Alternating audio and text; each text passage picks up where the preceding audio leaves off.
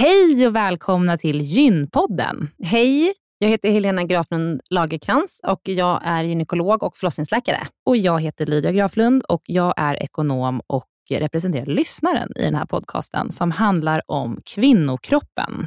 Det är vetenskaplig fakta om kvinnokroppen och det du hör i den här podden är det som man kan höra om man får träffa en läkare eller en barnmorska i ett eh, möte. Men ibland så bjuder vi in gäster som berättar om sina personliga erfarenheter och ibland är det också spekulation, men då är det verkligen tydligt att det är spekulation. Annars är grunden för den här podden vetenskaplig fakta om kvinnokroppen. Så är det. Hoppas att ni vill lyssna. Välkomna. Välkomna.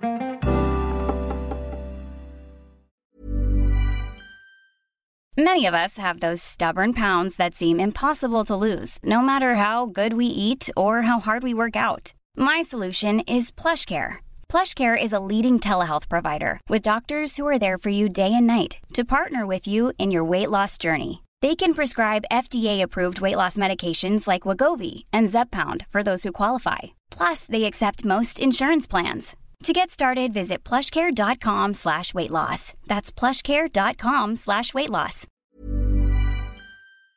Den här veckans avsnitt av Gynpodden är sponsrad av Care. Och Helena, det är ju det bolaget, vårdbolaget, som du och jag har varit med och startat, där vi erbjuder digitala vårdmöten med specialister inom kvinnovård. Precis. Och vi vet att det är väldigt mycket vårdpersonal som lyssnar på Gynpodden, vilket vi är jätteglada för. Och vi behöver alltid fler gynekologer till STKR. Så därför vill vi nu göra en shout-out till alla er som lyssnar där ute som vill vara med och förändra svensk kvinnovård. Vi söker specialister inom gynekologi, men också ST-läkare som har kommit en bit in i sin ST och som vill arbeta digitalt eh, med handledning på, hos oss på STKR. Mm. Och precis som det är för våra patienter som kan söka vård hos oss, det vill säga att de kan bo vart som helst i landet eftersom vi är digitala. Om man laddar ner appen och så bokar man ett vårdmöte, så kan ju även läkaren bo vart som helst i landet eller flytta under tiden man jobbar hos oss. Det är ju väldigt, väldigt flexibelt eftersom eh, man jobbar hemifrån. Och Jag tänker att det måste ju också vara helt underbart att som läkare kunna arbeta hemifrån och planera sin egen tid några dagar i veckan. Ja, verkligen. Och samtidigt vara med och förändra kvinnovården med kollegor som är otroligt drivna och engagerade. Det är jätteroligt att jobba på SDKR. Och jag tycker att det här är en häftig grej som vi gör just nu, att vi erbjuder gyn, äh, gynvård i hela landet. Och vilka är de vanligaste patientmötena du tar, Helena? Ja, men det är ju klimakteriet, eh, PMS, eh, mensbesvär. Och det är ju såklart Eh, ärenden och eh, diagnoser som går att hantera digitalt. Men vi remitterar också vidare när det behövs mm. Eh, och tar labbprover när det behövs mm. och så vidare. Mm. Så gå in på sdcare.com, klicka på jobba hos oss i menyn för att läsa mer och skicka in en ansökan. Tack så mycket. Tack och välkomna. Hej, välkomna till Gynpodden. Idag så är det jubileumsavsnitt. vi har härmed av, avklarat 100 Gynpodden avsnitt. Vi är så stolta över det här. Eh, idag tänker vi att vi ska lyfta blicken lite och inte zooma in på ett specifikt gynämne.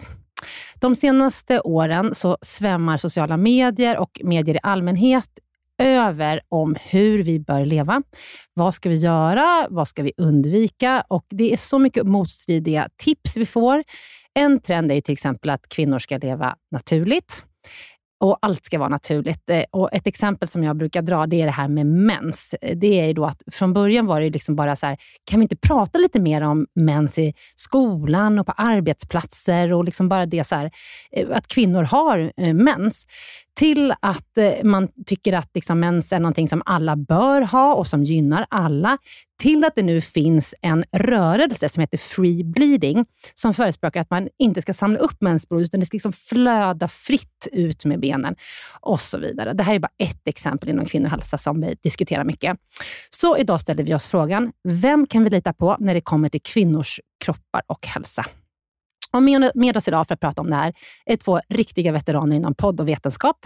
Välkomna Klara Wallin och Emma Frans. Tusen tack och, och grattis! Vi, att vi får vara med på ett jubileum. Mm, Vilken ära! Ja, det, den, den satte vi tidigt. Så här, hundra, hundrade avsnittet, vad ska vi ha där? Då ska vi ha Klara och Emma. Jag är Ja, så kul. glad att Vi ni är här. hedrade. Mm, Jättekul att vara här. Tack. Klara, Mm. du är poddproducent och producerar i, i, liksom nu här senast, du har producerat många poddar och, och så, men den vetenskapliga podden A-kursen, Yes. jättebra kurs. Eller nej, jättebra podd. Som, det är, som när jag läste översikten, en Eh, eh, första eh, kursen i massa olika ämnen som diskuteras liksom i samhället. Så man ska kunna framstå som att man kan lite om mycket. Stämmer det? Det stämmer. Och det, Mm. var, det är ju jag och Emma som har den tillsammans. Mm. Och då på en lunch så prat, vi har ju jobbat med varandra innan och då, vad sa du då Emma, om vad drömlivet hade varit? Ja, men det är ju just det där att liksom fortsätta sin bildningsresa, att bara gå A-kurser hela livet, att lära sig vad ska man säga, lite om mycket. Mm. Eh, och och liksom att vara den här kanske renässansmänniskan. Samtidigt så har jag själv upplevt att det har varit väldigt mycket liksom, hets mot att man ska bli specialist inom någonting. Man ska specialisera sig. Och jag menar, Det är ju klart att man måste idag. Det finns så extremt mycket kunskap där ute. Man kan inte ha koll på allting. Så det är ju därför man eh, som liksom, akademiker bör specialisera sig. Men samtidigt så tror jag liksom att någonting går förlorat. För att det är ju också väldigt givande att samarbeta med människor från andra discipliner, att träffas och lära sig sånt som andra har bra koll på. Så att det är ju Mm. lite det vi... Jag menar, den här podden gör vi såklart också för våra lyssnare, men också ganska mycket för oss själva. Ja, det, alltså, det är helt er. otroligt vad man Mm. lär sig. Mm. Och också, sen blir man ju också så häpen av, det finns ju, folk vet så mycket, det finns så mycket kunskap eh, och man förstår hur lite man vet. Så Mm. att, eh, det är ju också lite nästan skrämmande när man börjar så här, dutta in på så otroligt många olika fält och då bara hinner då skrapa på ytan. Men det, har, det är jätte, jätteroligt. Jätteroligt eh, liksom, eh, område för poddande, det ni gör. Mm. Ja, och liksom också det som du gör. Jag menar, nu är du specialiserad på, på liksom kvinnors hälsa, eh, men generellt så tänker jag, som du var inne på, att vi lever i det här samhället där det finns väldigt mycket liksom, dels desinformation som sprids, men också liksom myter och olika förståsigpåare ute i sociala medier. Så att just det där att kunna sprida kunskap, att ge grundkunskaper, det är ju liksom en, eh, väldigt viktigt i, i dagens samhälle, tror jag. Mm. Emma, nu kommer din eh, beskrivning här. Den hamnade efter några minuter. förlåt. Nej, det är, det är helt okej. Men, den är så lång Ja. så att vi behöver Ja. prata upp oss lite. Ja, precis. Emma, jag har faktiskt kortat ner den lite. Mm. Eh, Emma, du är doktor i epidemiologi och du blev ju jättekänd med hela svenska folket under covid. Eller hur? Ja, det är ju tråkigt att vara ansiktet utåt för en pandemi, men jag menar, det är klart att eh, jag arbetade ju med veten, vetenskapskommunikation redan innan pandemin, men Mm. jag tror att det var kanske där, eh, jag menar, helt plötsligt så satt man i TV på bästa sändningstid liksom var och varannan kväll. Mm. Eh, så det var ju en ganska stor omställning för mig. Mm, jag förstår det. Och du, vi, vi, kanske kan, har, vi, vi kanske kommer återkomma lite till det, att det kanske inte alltid var helt lätt. Men du är forskare vid Karolinska institutet, eh, författare och sen är du vetenskapsskribent i Svenska Dagbladet. Det stämmer Och bra. såklart då poddare. Yes. Men hörni, eh, nu kör vi igång med Kul. dagens ämne.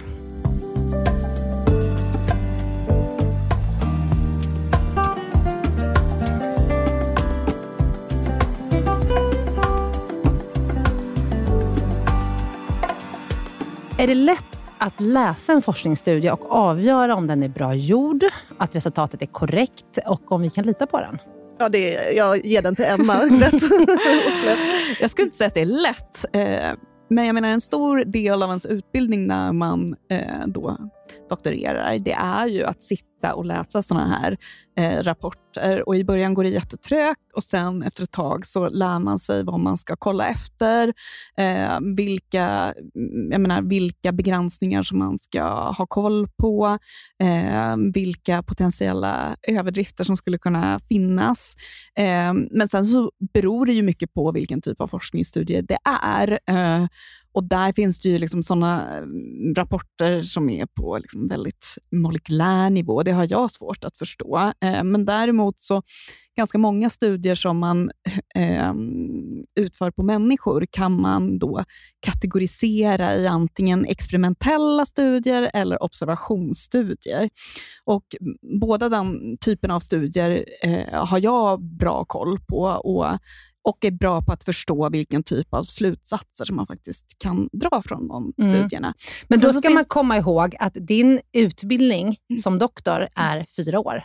Exakt. Heltidsstudier. Visst, och sen mm. så finns det ett annat problem här också, att ibland så går det inte ens att få tillgång till de här vetenskapliga rapporterna. Man kan se ett abstract, en sorts kort sammanfattning, för att många av de här vetenskapliga rapporterna hamnar bakom betalvägg. Så det här är ju ett, det här är någonting som diskuteras jättemycket inom akademin, att man producerar all den här kunskapen och så hamnar den bakom betalvägg, så att vanliga människor de får bara ta, ta liksom del av det som rapporteras i medierna, vilket kan vara liksom väldigt överdrivet eller vinklat och inte kanske alls stämma överens med det som forskarna har kommit fram till. Nej, och för, för det är ju nästan så här idag att det, det görs ju oerhört mycket studier, att eh, väldigt mycket går att backa upp en studie. Precis, Verkligen. det är väl också vad man än vill eh, hitta bevis för, så kan man väl hitta en forskningsstudie som, eh, som ger en rätt. Så att det är väl också det, att vilken typ av studie det är, om det handlar om en metastudie, så är ju en annan sak. Och vad är en metastudie? Det är ju liksom eh, när man har... Jag känner mig så fel att jag ska ta det här, Emma, men det, du får rätta mig om jag har fel. Men det är ju liksom en samling av flera studier som visar liksom det övergripande resultatet. Mm. Exakt. Det finns såna metastudier där man på något sätt liksom slår ihop resultatet från en massa rapporter. Och så finns det också såna här liksom systematiska översikter där man också liksom mer kanske bara eh, i text sammanfattar vad man har kommit fram till. Och Det som är viktigt med den typen av undersökningar det är att man redan på förhand bestämmer vilka kriterier man ska ha för vilka studier man ska inkludera. För annars är det väldigt lätt att man på något sätt letar upp de studierna som ger stöd åt ens hypotes. Och mm. Det är ju det som är liksom hela utmaningen med forskning generellt, att man ska låta liksom data och forskning eh, leda en till liksom, en viss slutsats. Medan det man kanske annars gör, om man inte arbetar på det här systematiska sättet, det är att man först drar någon sorts slutsats. Man får, man får liksom, eh, en, en bild av hur verkligheten ser ut. Man får en bild av hur verkligheten ser ut och sen går man ut och letar liksom, bevis för att liksom, den uppfattningen stämmer. Så det där är ju någonting som man hela tiden behöver eh, på något sätt påminna sig själv om. Att vi har en naturlig tendens att lägga märke till den information eller de rapporter som bekräftar det vi redan tror och så ignorerar vi det som går emot våra förutfattade meningar. Mm. Varför är det så? Det, det kan, man kan säkert spåra det tillbaka på något sätt i vår evolution. Att jag menar, på något sätt så är det ju viktigt att vi kan, kan sålla i all, alltså vi exponeras för enormt mycket information, så det är nog viktigt att på något sätt sålla bort det irrelevanta. Och har man gått ett helt liv eh, och liksom utifrån det fått en viss typ av världsbild, då kanske det i de allra flesta fall eh, är funktionellt, alltså på något sätt effektivt för en att inte liksom ändra sig så fort man får någonting som säger emot det man tidigare liksom har, har eh, fått bevis för. Så det är ju liksom det är klart att det finns rationella aspekter av de här genvägarna som vi tar, men samtidigt kan det ibland göra att vi hamnar väldigt snett. Mm. Kommer en, en, en begreppsfråga eh, som säkert du vill svara på, Emma. Vad är cherry picking? Ja, men det är just det där att man är selektiv i vad man väljer att eh, lyssna på. Alltså att man väljer ut, man tittar inte på all information som en helhet, utan man väljer ut det. Och Ofta blir det ju det som kanske då bekräftar det man redan tror, eller det man vill tro. Mm.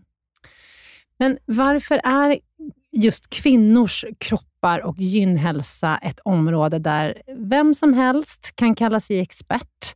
Finns liksom inte någon legitimation för att kalla sig expert på kvinnohälsa. Eh, och man kan göra anspråk på att ge råd och rekommendationer, kanske till och med att ta betalt för det.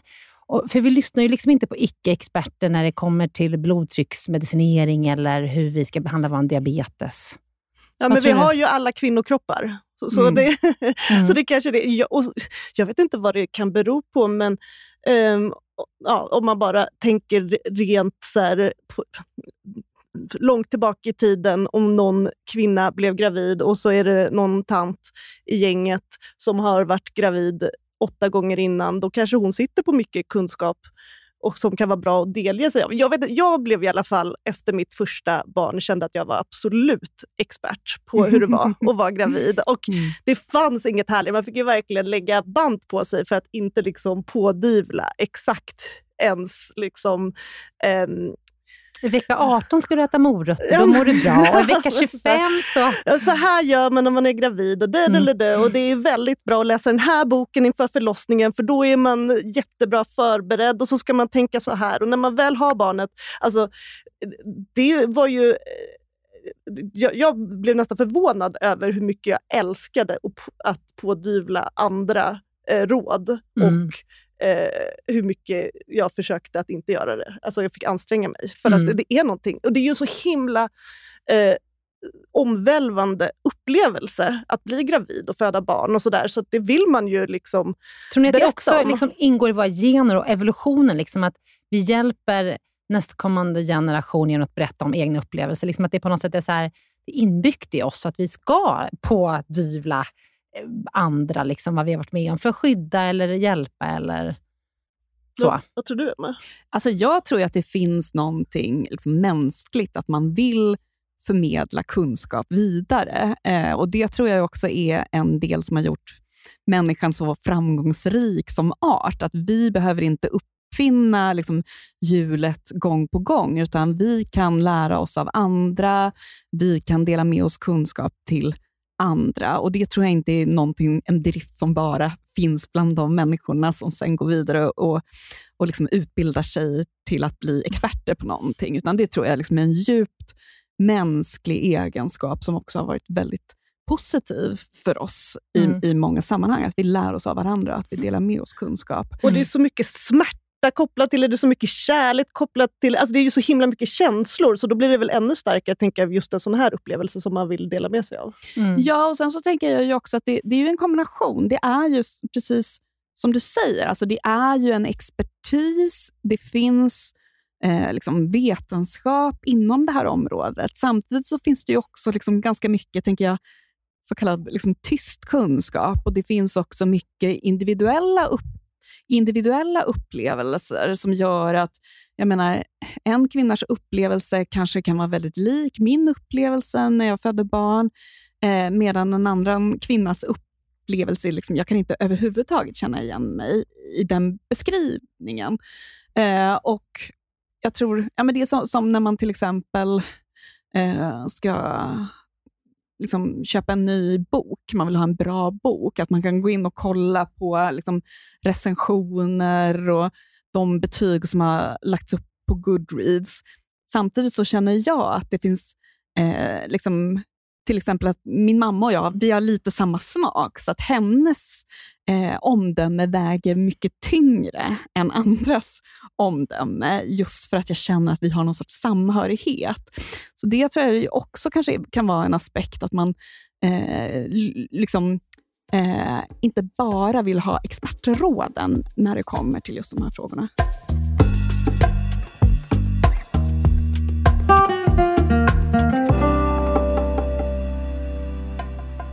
Men vilka lyssnar kvinnor helst på, tror ni? Liksom, och, och varför har det blivit så att vi lyssnar på liksom, vissa, kanske självutnämnda experter eller så? Vad, vad är det som gör att vi lyssnar på vissa personer när det kommer till det här?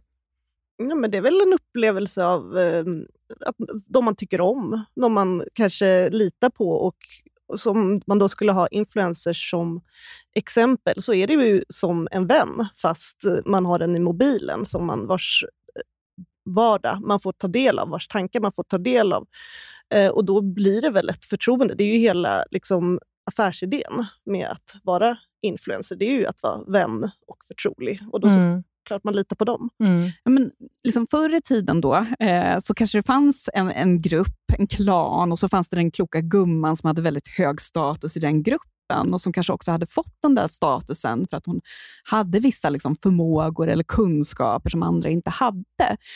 Och Nu så har vi ett annat samhälle där andra personer har hög status. Och Jag tror faktiskt att just det här med liksom statusaspekten spelar stor roll. Och, och nu lever vi i, den här, liksom, i det här influencersamhället där vi har de här personerna med hög status som kanske då eh, faktiskt ibland gör ganska mycket skada genom att sprida budskap som inte alls är baserade på kunskap eh, och liksom säga saker som liksom verkligen går på tvären med vad, vad vetenskapen visar. Och, och som det finns ekonomiska intressen bakom. Eh, de, Exakt, det, det är ju det, det ja. verkligen mm. affärsmodellen mm. går ut på. Mm.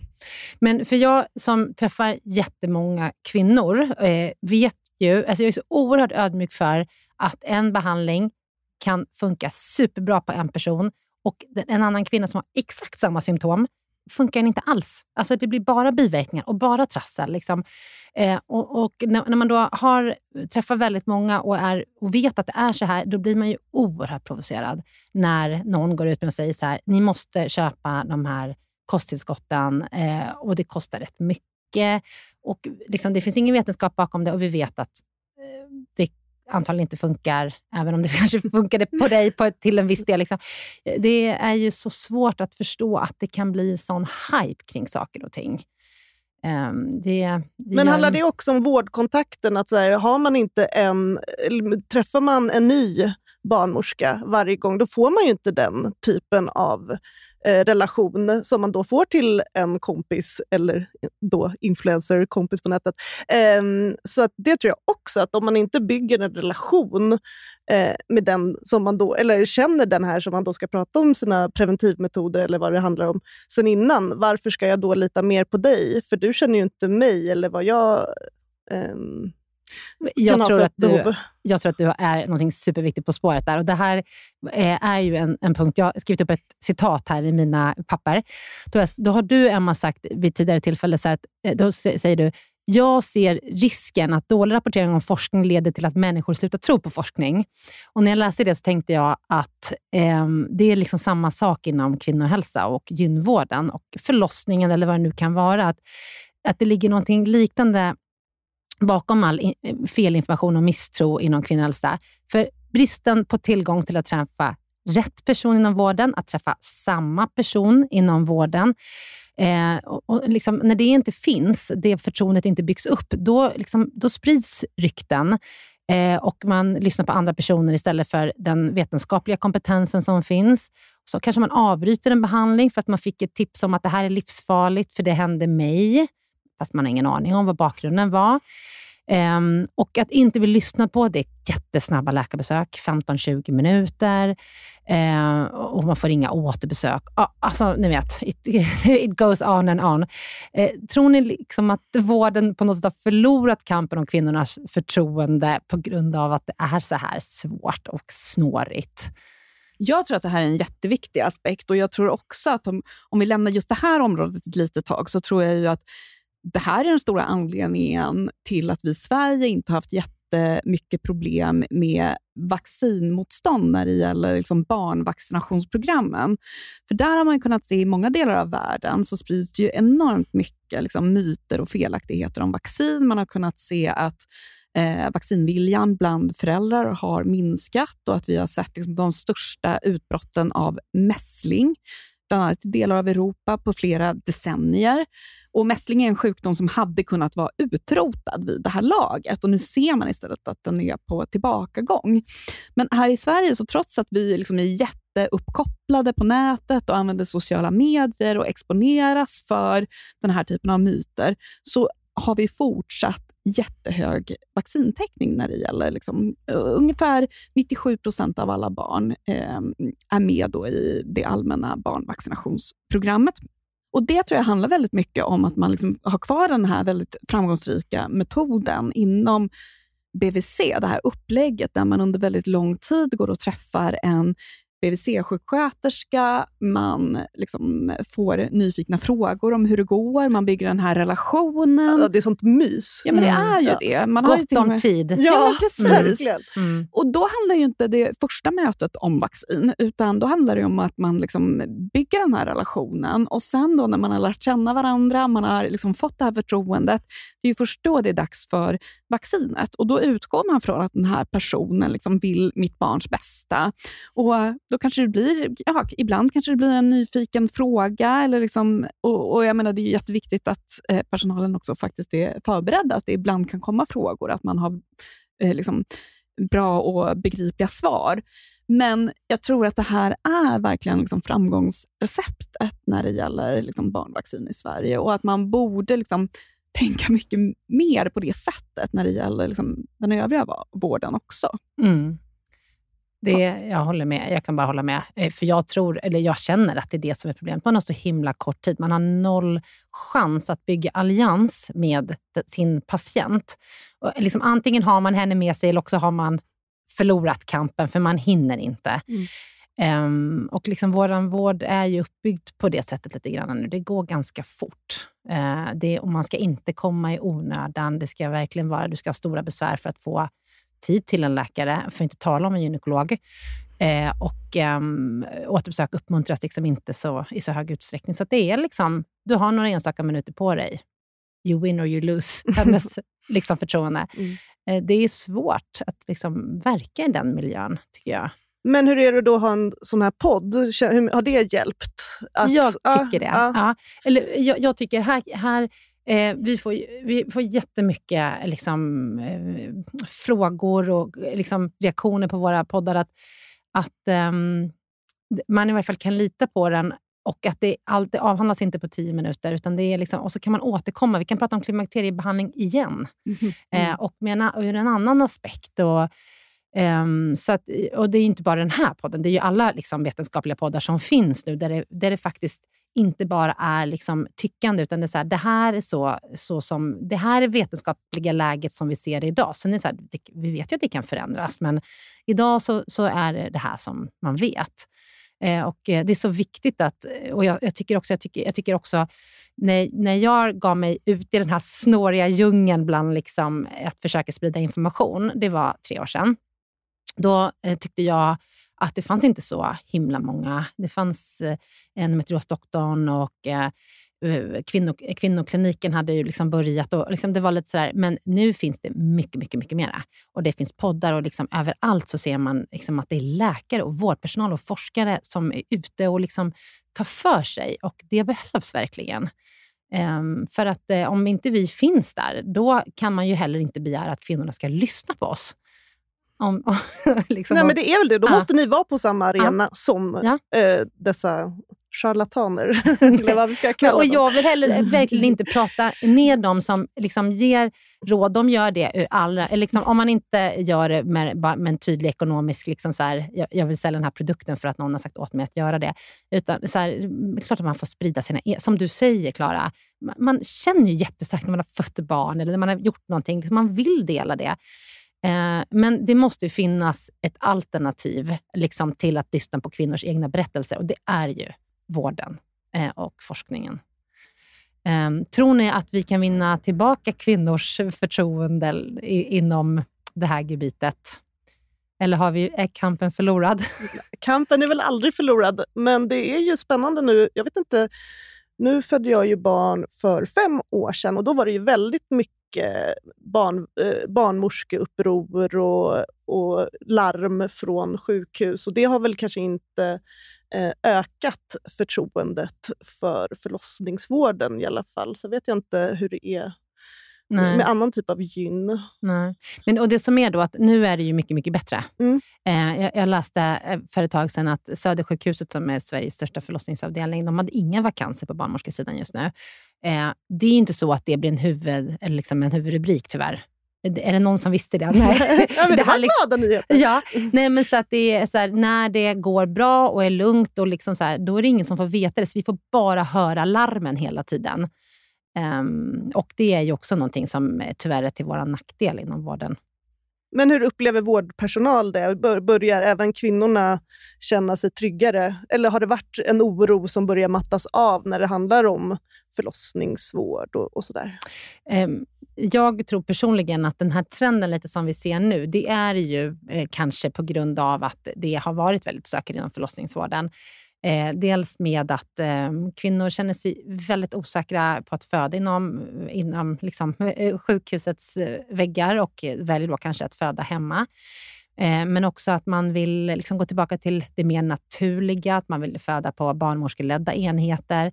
Liksom, det är ju på något sätt en svängning mot eh, att liksom, mindre av det här liksom, hetsiga och lite oroliga liksom, till att bara, jag vill bara vara jag och min barnmorska. Liksom. Och, och eh, Det tror jag är ett svar på att det har varit väldigt rörigt. Mm. Kan jag som jobbar inom förlossningen, jag kan ju känna väldigt många gånger att jag känner inte alls igen mig i bilden av eh, som mediebilden av hur det har varit på förlossningen. Alltså det är klart att det har varit, det har varit stökigt mellan varven. Jag ser ju alla listorna på väggen där alla liksom vakant, alltså alla så här, lediga pass liksom, som man vill att barnmorskan ska skriva upp sig på. Um, så, de listorna har man ju sett och tänkt, oj, nu är det många lediga pass i sommar.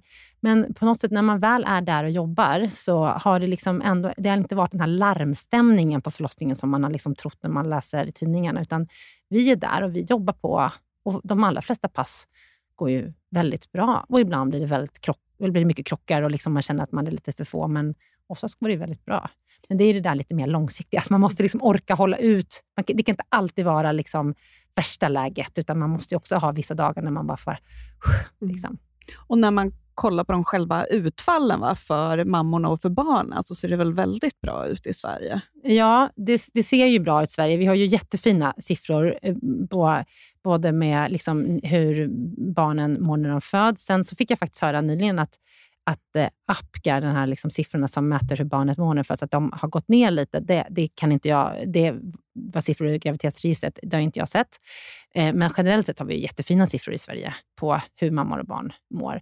Men det finns jättemycket att göra. Vi kan, man kan ju alltid jobba med hur mycket en kvinna, hur mycket man blöder efter en förlossning, hur mycket verkstimulerande dropp man sätter, liksom hur, hur mycket interventioner vi gör. Alltså det finns ju jättemycket alltid att jobba med, men Um, ja, det, jag har liksom inte upplevt att det har varit så hemskt liksom under flera år. Jag har ändå jobbat i förlossningsvården i tio år och eh, liksom, det har inte varit tio år av liksom kaos. Det håller inte jag med om. Skönt att höra. Ja, ja.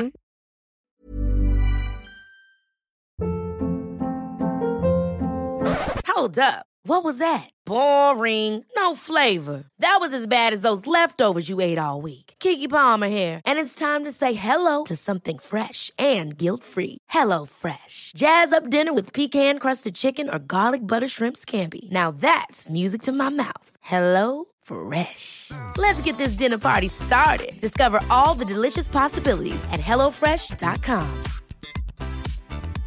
Many of us have those stubborn pounds that seem impossible to lose, no matter how good we eat or how hard we work out. My solution is PlushCare. PlushCare is a leading telehealth provider with doctors who are there for you day and night to partner with you in your weight loss journey. They can prescribe FDA-approved weight loss medications like Wagovi and Zepbound for those who qualify. Plus, they accept most insurance plans. To get started, visit plushcare.com slash weight loss. That's plushcare.com slash weight loss. Den här veckan så är Gynpoddens avsnitt sponsrat av hemsidan mittpreventivmedel.se som är en informationshemsida gjord av Bayer. Mm. Och vi har pratat om den tidigare i avsnitt eh, om att eh, det finns olika tester du kan ta, eller det finns ett test du kan ta. Du kan också gå in och jämföra olika preventivmedelsmetoder för att se vilka som är bäst för dig och du mm. kan titta på en film där mm. du kan förbereda dig inför att du ska träffa barnmorska eller gynekolog och skaffa ett preventivmedel.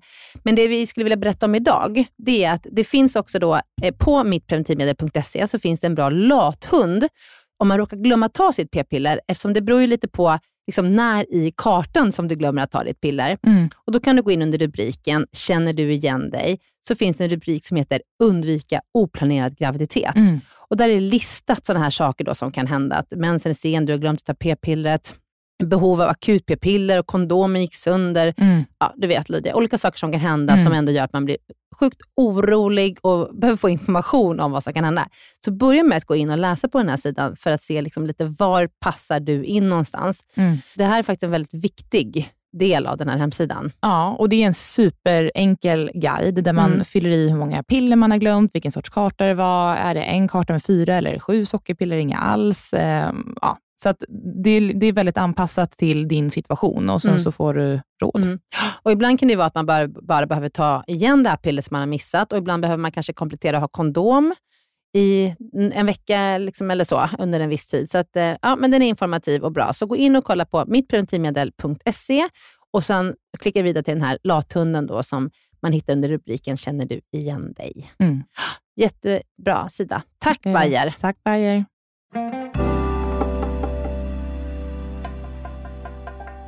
Men om vi ska prata lite om det här med, eh, fortsätta ligga kvar lite på det här med förlossningar, för att eh, nu går det liksom lite åt två håll, skulle jag vilja säga, inom förlossningsvården.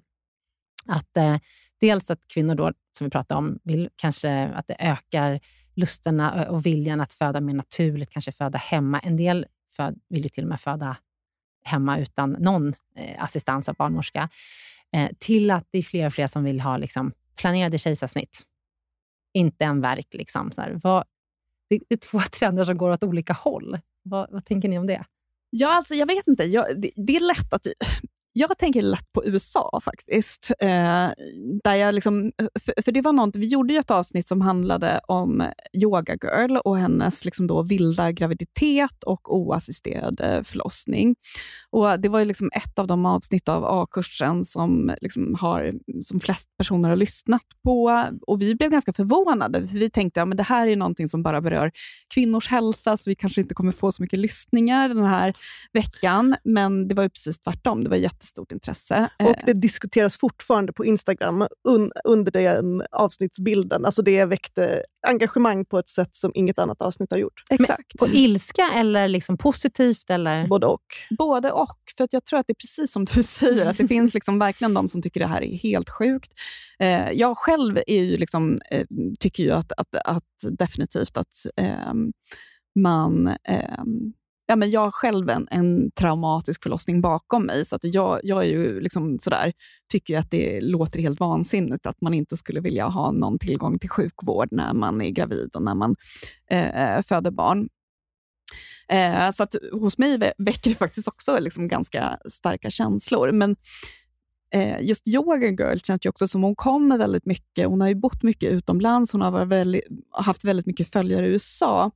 Och Jag tänker mig att hon har också befunnit sig i en kontext där man liksom har en annan typ av kanske sjukvårdssystem. Jag menar, vårt senaste avsnitt handlade ju också om den här opioidkrisen i USA. Att man, det finns väldigt mycket liksom också ekonomiska... eh, jag menar att, att även då de som ska vara läkare och experter liksom verkar på den här liksom marknaden där man eh, liksom får mer eller mindre pengar om man eh, skriver ut jättemycket läkemedel eller om man har liksom den här verkligen liksom medikaliserade förlossningsvården också. Och att det här blir kanske lite en motreaktion på det. Och så får vi över det här i en, ett svenskt sammanhang där vi kanske inte har den typen av problem. Och det är lite liksom någonting som jag tycker mig se också, att vi, vi på något sätt importerar också olika typer av debatter som kanske tidigare inte har varit så relevanta i Sverige. Och så blir det någonting som vi måste förhålla oss till. Hur, Mm. hur tänker du om det?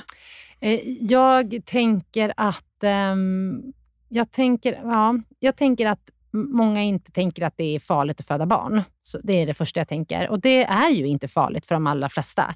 Men en eh, normal förlossning är ju någonting retrospektivt. Det vet vi liksom när bebis är ute, blödning har avstannat, livmodern har dragit ihop sig. Då vet vi att allting gick bra. Sen kan man ju innan säga så här, ja, men du är en hög risk eller du är en låg risk och så vidare. Så att, men, eh, över, eh, och det här vet jag att jag tänkte när jag var, var gravid och gick eh, på för, förlossningsförberedande kurs med min man. Och Då fick man sitta där och så var det så här, ja men och vad är du mest rädd för? Och Då var det någon som sa, ja men jag är rädd för att Eh, då var jag ju förlossningsläkare, ska jag säga. Men då var det så här, men jag är rädd för att bajsa på mig. Jag är rädd för det. Du vet, så här, jag bara, nej gud, jag är bara rädd för att mitt barn eller jag ska dö. Och de bara, va? Men går du och tänker på det? Jag bara, Ja, men det gör jag. Jag måste ju vara ärlig med att det är det enda jag är rädd för. Jag är inte rädd för att bajsa på mig. Det vet jag att alla gör. Um, så att man har liksom... Uh, uh, så, ja, mm. Att man inte är helt införstådd med att det faktiskt kan ske saker som vi inte vet om. Och Det sorgliga nu är väl då att om det blir en trend att föda hemma, och det, alltså för att vi har, inte nått, vi, vi har nåtts av nyheter om dåliga förlossningsavdelningar och inte nåtts av nyheter om farliga hemmaförlossningar, för det inte skett. Men eh, då är det ju det är så sorgligt att då kommer det ju eh, ja, och det har det ju också gjort, kommit ja, de nyheter. rapporterna verkar ju komma nu. Ja, faktiskt. de kommer ju. Mm. Att, och, mm. och då, att det är två barn som har dött Och Det är ju så mm. fruktansvärt. Mm. Och tanken på att man skulle förlora, alltså gå och bära ett barn i nio månader och så är det, jag kan inte ens tänka tanken. Eh, och, och, också den här kvinnan som gick ut på SVT, var det, va? som gjorde en, dok, en minidokumentär, eh, där hon var så här, jag visste inte om att det var farligt att föda hemma. Hade jag vetat om det hade jag aldrig valt det. Eh, och Då tänker jag också att vi måste vara ja, jättenoggranna ja, med mm. informationen. Att det här är inte för alla. Hon var förstföderska, ska man lägga till, tror jag. Jag vet ingenting mer än vad som har varit på SVT. Mm, en liten kort dokumentär om det fallet. Ja, men, och så är väl sorgligt nog så, nyhets, alltså så att nyheter påverkar oss människor, att om någonting blir så säkert som mässlingen, att här, ingen dör i mässlingen, men det kan finnas en eh, halv, en hundradels promille att eh, vaccinet skulle, det skulle vara något fel på det. Eh, jag vet inte ens eh, om det finns, eller, eller så är det bara konspirationsteorier om att det skulle kunna hända något. Då anses det vara problemet och det är väl det som är så sorgligt med eh, medicinska framgångar, att det blir så lätt bakslag. Vi kommer inte ihåg. Det, vi behöver ju bara gå tillbaka ett halvt sekel för att vi, liksom, eh, att, eh, ett halvt sekel tillbaka, då satsade vi ju inte ens på eh, att liksom rädda barnet, då vill man rädda mamman.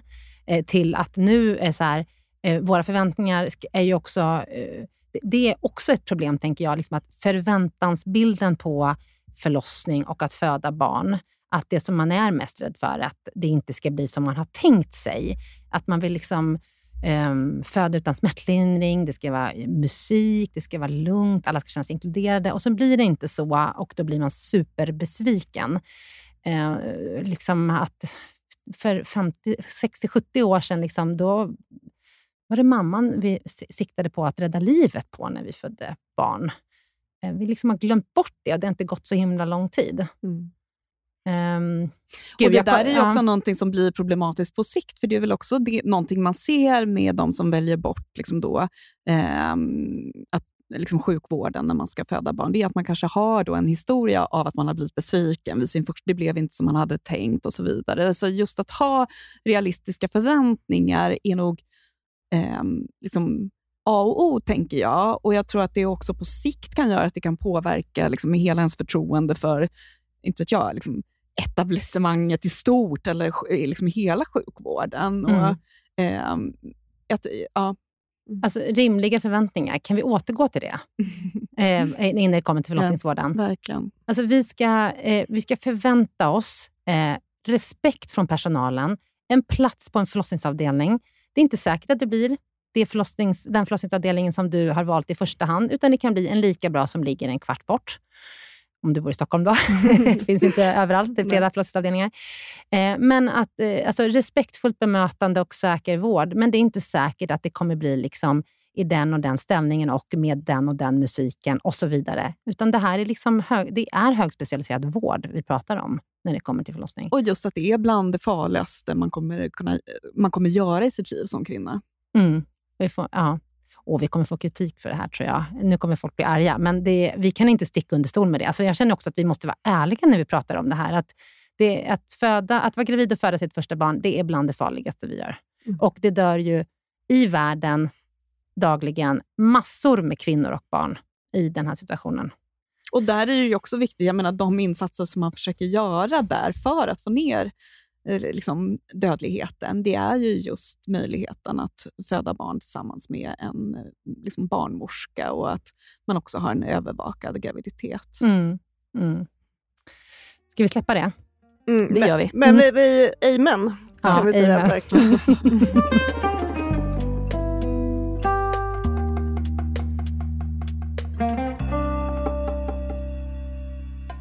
Hörrni, nu vill jag gå över till ett annat mycket eh, känsloladdat ämne. Hormonella preventivmedel. Eh, varför tror ni att det är så många som är emot hormoner? Vi vet ju att det är flera som mår bra av sina p-piller än tvärtom. Och eh, Vi vet också att det är ett effektivt sätt att förhindra en oplanerad graviditet, som till exempel eh, mycket större risk att få en blodpropp än kombinerade p-piller. Eh, och Vi vet att det minskar mensvärk och mensblödningar. Det halverar risken för vissa cancersorter senare i livet. Varför är det fortfarande så oerhört eh, omdebatterat och väcker mycket känslor och så mycket ilska. Nej, men jag vet inte om vi vet allt det där. Alltså, det är ju det. Alltså, jag blir ändå så här, ja, det låter bekant, men jag vet också, inom, vet inom citationstecken, att eh, hormoner kan få mig att bli kär i fel kille. Det kan göra så, så att jag tror att jag ska eh, bli attraherad av någon som jag inte skulle blivit attraherad av annars. Det kan, alltså, man har ju fått så mycket eh, vad har du hört det, Klara? Nej, nej, men det är ju bara, och det är också galna eh, nyheter som liksom eh, når en. Mm. Eh, det är ju det här narrativet också, att det är mycket mer spännande att eh, hitta någon sån eh, obskyr forskningsrapport som Emma är expert på. Mm. Eller inte ja. gör, alltså att granska, inte göra ja. obskyra forskningsrapporter. Men tänk om det var så att man, man hade ett preventivmedel, man slutade med det, blev med barn, och, för man har då en partner, mm. och sen skaffar man ett annat p-piller, eh, då blir man kär i någon annan. Ja, det, kan ju, det händer ju i och för sig. och nu vet vi varför skilsmässorna är på den nivån. Exakt.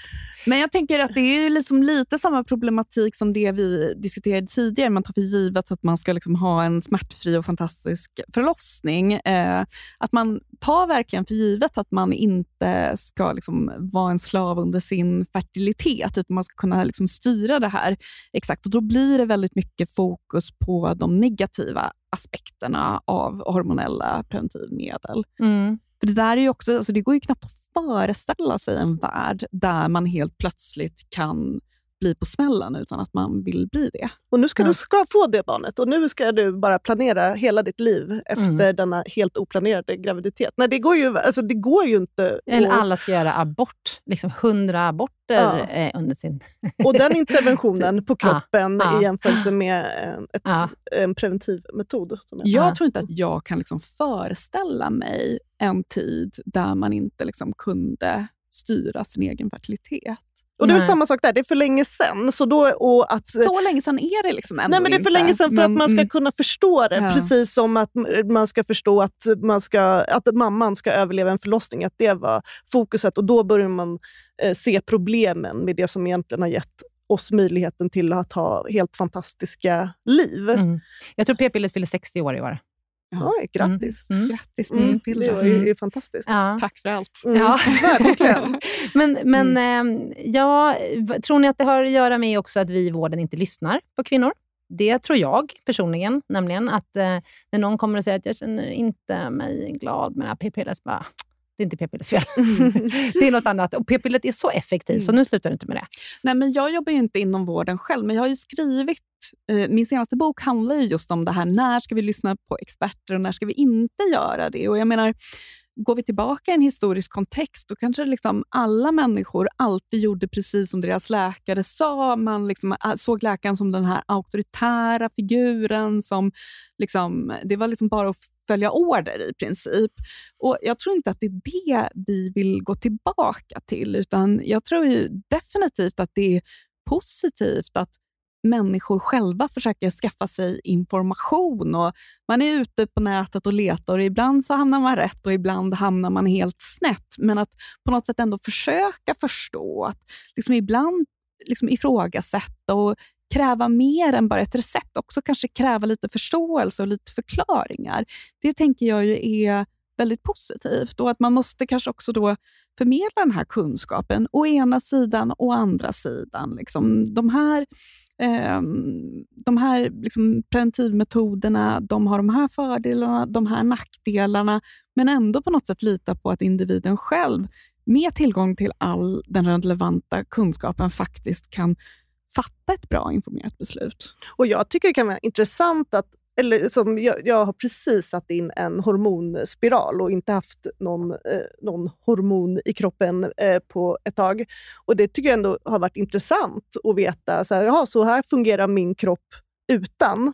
Men eh, nu känner jag att det är fördelarna eh, att eh, ha överstiger de, ja, jag, tror, jag vet inte ens vad det skulle bli för nackdelar, men det kan ju också vara här att man vill veta vem man också är utan. Mm. Och Det behöver ju inte vara nödvändigtvis dåligt. Det behöver inte vara att man eh, ska vara, ha det så för alltid, men att det kan vara intressant att eh, ja, bara veta hur ens kropp funkar. Mm, absolut.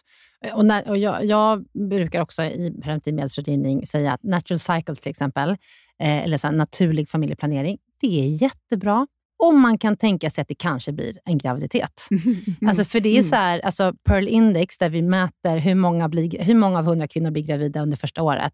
Då är ju alltså ganska många, jag tror att den är sådär nio eller någonting. Alltså det är ganska många som blir gravida under första året om man använder eh, fam, eh, naturlig familjeplanering. Är man i en eh, parrelation där man kan ta hand om det här barnet, alltså det, eller man tycker inte att det är så farligt att göra en abort, absolut använd det då. Men om du absolut inte vill ha ett barn, du vill absolut inte genomföra en abort, då är inte det det säkraste liksom, eh, PREV-metoden. Utan då behöver du ju ha någonting helt annat. Så att, eh, och, och Sen är det upp till kvinnan att avgöra vad hon vill ha. Um, men, um, Men för, samtidigt- för att det är ju lite intressant. Nej, men, ja, jag skulle bara säga, det är ju lite intressant för många att veta så här, hur har jag en regelbunden menscykel? Har jag ägglossning? I don't know. alltså, så att jag förstår att folk är nyfikna, men Men jag har Mm. också fått, eh, det har också gett mig en extrem blodbrist som har gett mig migrän. och Så, där. så att det är ju liksom det är inte så bra med det naturliga, har jag ju då eh, fått inse den hårda vägen. Att Mm. så här, ja, men mitt naturliga är ju faktiskt eh, mycket, mycket sämre för Mm. min hälsa. mm, Och just också vad det naturliga nu är. Det är ju också så att jag menar, eh, det naturliga kanske är att vara gravid betydligt tiden. fler gånger än vad du har varit. Ja. Så att det är ju också på något sätt, vad som är det naturliga är ju också beroende på vilken typ av sammanhang man befinner sig i. Mm. Vi lever inte i liksom en jägare-samlare liksom tillvaro. Och då kanske inte heller våra kroppar liksom, eh, är anpassade efter liksom, eh, den miljö vi befinner oss i nu. nej. Och vi kanske... Alltså, jag, vill in, jag har fyra barn. Det räcker jättebra. Det är, så, det, det är inte tillräckligt eh, vilt hemma, va? Nej, men alltså, jag skulle inte orka med 15 barn. Nej. Nej, det, Nej, och att ha 15 barn skulle ju inte heller vara det naturliga, för då skulle ju alla, liksom, i en historisk kontext, så hade ju många strykit med vid det här Mm, laget. Och det är ju inte heller, liksom, är det det, om det är det naturliga, det är absolut ingenting att eftersträva, en så hög barnadödlighet. Nej. och man själv hade ju säkert dött på någon av förlossningarna Ja, också. det också. så Mm. att, eh, Nej. Eh, naturligt är inte alltid bäst, kan vi väl enas om där. Ja, och Mm. att det naturliga också såklart kan förändras över tid. Mm. mm. Ha, är vi, känner vi oss uttömda på preventiv, hormonella preventivmedelsområdet? Har ni något mer som ni känner så här, det här har jag tänkt på? Alltså, det är ju intressant just det där med mens, tänker jag. Liksom den här dagen man insåg att man faktiskt inte behövde ha mens. Och det tycker jag också är spännande. Jag menar, nu är jag 42 år, men liksom, när jag pluggade och när jag lärde mig, liksom, eller första gången jag fick lära mig om preventivmedel, så var det ju väldigt mycket kunskap som har liksom förändrats. Just det här att man inte behöver liksom sluta äta p-piller eh, Lång, cykelanvändning. Ja, mm. Käka det. ihop kartorna. Just det, Jättebra. och så skulle man äta sockerpiller Ah. där för att få eh, mens. Det rekommenderar vi inte längre. Nej, det var Nej. Nej, Men- men, men liksom också just det här hur, hur att det finns ju faktiskt andra fördelar med hormonella eh, preventivmetoder som liksom utöver det att man inte blir gravid. Mm. Och Det var ingenting som jag fattade när jag var yngre i alla fall. Nej. Och det, och jag, tyvärr, alltså jag tror att det är lite högre kunskap bland tjejer idag, men alldeles för lite. Det är fortfarande alldeles för många som går med eh, jätteont eh, hemma från skolan, går, eh, avstår sociala aktiviteter ja, och så vidare. och så vidare. Det för oss osökt in på vårt sista ämne. Och Det är att vi vet nu att ungefär 15 procent av flickor och kvinnor är hemma från jobbet och skolan varje månad på grund av mensvärk. Eh, endometrios drabbar ungefär 10 procent av den kvinnliga delen av befolkningen. Och Då tänker jag, liksom, borde inte de siffrorna eh, liksom för alltid avsluta diskussionen att mens är något som gynnar alla? trots det så är det, liksom, det är också så här, folk blir så arga när jag säger att man inte behöver ha mens. Ett exempel på det är att Eh, för ett par månader sedan så var det en reklam på ja, Instagram eller något sånt där. Då var det en, en eh, influencer som gjorde reklam för menstrosor. Och då var liksom, så här skrev hon texten. Eh, brukar du också ligga hemma eh, med att blöda igenom och ha jätteont, inte kunna vara med på dina sociala aktiviteter eller gå till jobbet när du har mens? Nu har liksom lösningen kommit, använd menstrosor. Alltså, du vet, jag blev alldeles stum när jag läste det. Jag kan inte förstå bara hur... Att man för, på något sätt normaliserar Ja, men alltså, det. Ja. så här, och menstrosor gör ju inte att du, du inte har ont eller blöder Nej. supermycket. Det är bara att du då kanske inte blöder igenom. Fast det gör man väl också om man blöder jättemycket, även fast man har menstrosor. Och då, jag blev alldeles så här, men herregud, normalisera inte att ligga hemma med mensvärk och riklig mens. Och som du säger, Klara, blodbrist är ju supervanligt. Det är ju den van, alltså, blodbrist som beror på mens, det är den vanligaste orsaken eh, bland kvinnor i fertil ålder. Man blöder för mycket, då får du järnbrist, så får du blodbrist. Och så går du eh, och är liksom, eh, nedsatt fysisk eh, kapacitet, du har ont i huvudet, du är trött, andfådd. Liksom, och det beror på att du har mens, för mycket mens. Och då skrev jag liksom så här, jag tycker att det här är- felaktig mm, information. Man ska inte köpa ett par menstrosor om man har det så här. Man ska gå till en gynekolog. Jag blev så hatad i den tråden. att du vet, och så ska jag säga, med vänlig hälsning Helena gynekolog. Typ, gå och skjut dig själv. Eh, nej, de sa inte så. De ville säga så. Men de, var så här, de bara, var kommer du ifrån? Du är sån jävla antifeminist. Och, Ja. liksom så här, Mm. och jag, bara, du vet, jag bara backade utifrån den där tråden. Och bara, du vet, det var så hemskt. Men Varför måste, hatar du kvinnliga entreprenörer som bara försöker li- tjäna lite pengar i Ja. sociala medier? precis, men liksom, ungefär som att jag är antifeminist för att jag säger att det inte, du behöver inte ha det så här om du har en mens. Mm. Men alltså jag visste knappt det här. Eller jag eh, har nog eh, inte förstått hur onödigt det är med mens. Så att jag tror det är verkligen något som... Eh, jag förstår att ni experter kan vara ganska tröttsamt att bara behöva prångla ut det här dag ut och dag in. Men det tog alldeles för lång tid för mig att fatta det i alla fall. Ja. Men det, det blir väl ändå lite någon sorts konflikt här. Att man liksom, å ena sidan så vill man ju inte att män ska patologiseras. Man vill väl att liksom, ja, du blöder igenom, men ehm, liksom, du har mens. Vad, vad var det Clara Henrys bok hette? Jag har mens, Ja, vad so, so what? Ja, något Eller något där. sånt. Ja. Att det liksom också har varit väldigt mycket liksom den typen av anda, att vi ska normalisera mens och blöder man igenom då ska man inte skämmas för det och det är helt naturligt. Det är en helt naturlig del av livet. Det har varit liksom det feministiska narrativet. Och så dyker du upp och säger att man behöver inte ha mens om man inte vill ha det. Och då blir det liksom en sorts... Liksom, eh, då, då blir det helt plötsligt Man ett ihop hot mot Aha. det liksom, Mm. narrativet. Mm. Man blandar ihop det med skammen som män har kunnat innebära Exakt. tidigare. Medans, men det är ju jättebra, man kan börja rikta fokus på...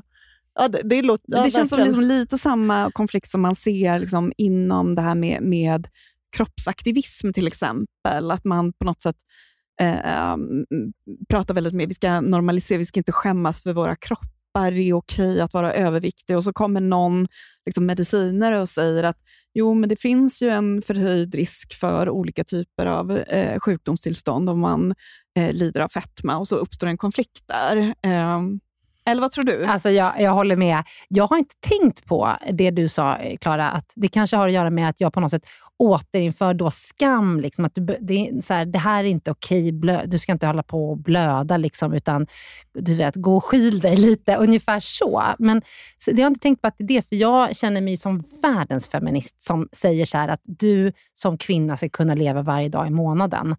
Eh, och, eh, och eh, det du sa, Emma, att vi läkare kommer in då och säger att det kanske inte är så bra eh, att vara väldigt överviktig. Eh, det, jag vet att det har blivit väldigt mycket bråk om det här senaste tiden, för att jag tycker inte att eh, en person som har en övervikt ska skämmas över den. Jag tycker man ska älska sig själv och sin kropp, men man kanske, det skadar inte att veta att det kan medföra vissa medicinska risker. Och vi måste kunna prata om båda sakerna utan att det ena behöver liksom utesluta det andra. Men det är så svårt i sociala medier också, i sådana Mm. här kommentarsfält. Det är så Mm. mycket nyanser som försvinner. Mm. Eh, och liksom, de som följer den här personen, de är ju hennes försvarare Mm. på något sätt. Kommer Armé. in och, ja, men Mm. lite så. Mm. Eh, så det är ju som sagt va, det är ju, det är ju det som är så bra med poddformatet till exempel, att där Mm. kan man nyansera. Man Mm. kan liksom på något sätt säga å ena sidan och å andra sidan. Mm. Men det är väldigt svårt i liksom den här snuttifierade liksom, sociala medievärlden. Och Mm. Helena, jag tror också du får tänka att så här, man, du kanske inte vinner alla och så är det några som blir jättearga, men det kan ju också vara någon som scrollar där som bara Oj, gud, jag har inte ens tänkt tanken. Man kan slippa ha mens, det säger en gynekolog. Så att jag tror också att bara för att några skriker väldigt högt så ska man ju inte liksom lägga ner, utan det är verkligen små vinster varje dag som Mm. kanske inte är så kännbara, men, men de det är är vad vi där. försöker intala oss själva. Men- Ja, det gör vi. Ju- för jag vi hamnar ju också i sådana situationer. Vi hamnar ju också i sådana Ja, situationer. Ja, jag förstår det. Ja. Men, men, och det är säkert så. Eh, you, you win some varje gång och så får man lite själv.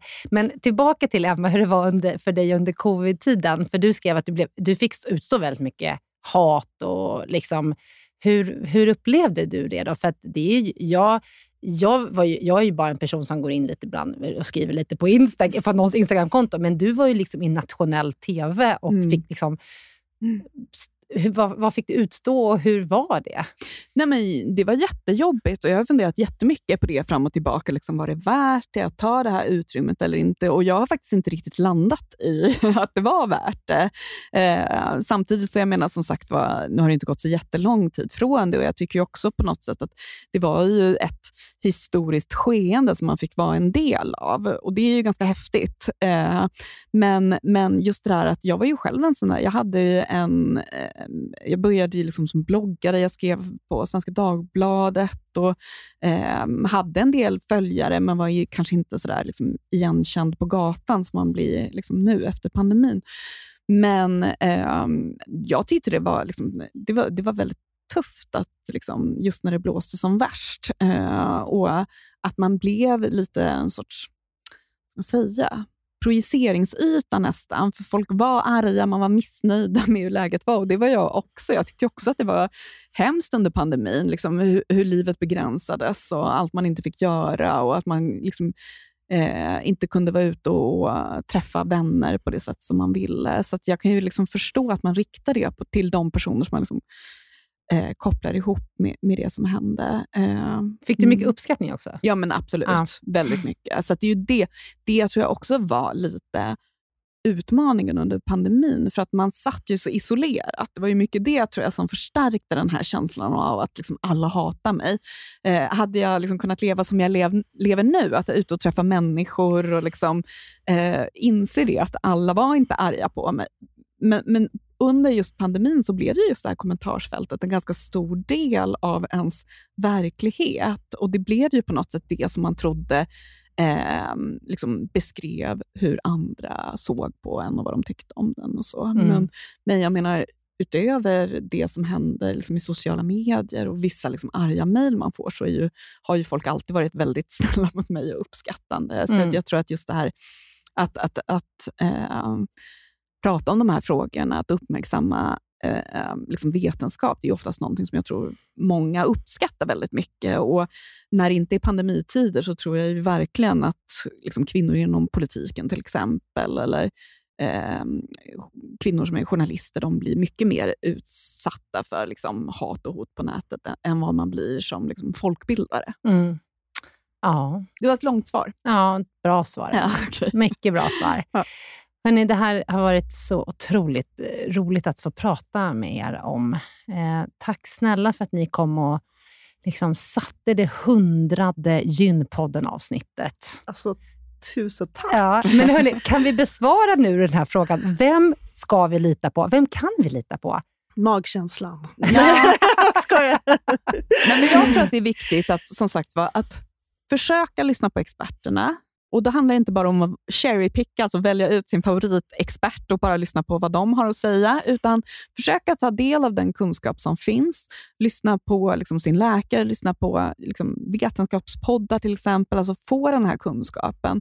Men sen också såklart så måste man ju fatta de här besluten utifrån vad som känns rätt för en själv. För det är ju här hela tiden en kombination av liksom, vem är jag, vad är min identitet och liksom, hur kan jag, att jag ska bestämma, så här vill jag leva mitt liv och sen kan vetenskapen eh, hjälpa mig att liksom hitta rätt då, och ta rätt väg. Men sen så såklart, det är jätteviktigt det här med, med att ha realistiska förväntningar. Ingen kommer kunna hjälpa en att liksom uppfylla eh, en fantasi som inte har någon sorts förankring i verkligheten. Punkt. Amen. ja, jag vågar inte säga något mer efter det. Det var så bra. Tusen tack, kära ni. Och, eh, ja, jag hoppas att vi liksom möts i den här podden igen och fortsätter den här diskussionen vid ett Eller annat i A-kursen kanske? Eller i A-kursen. Jag kommer gärna dit. Mm. Jättegärna. Tack så hemskt mycket och på återseende. Tusen tack. Hej då. Hej då.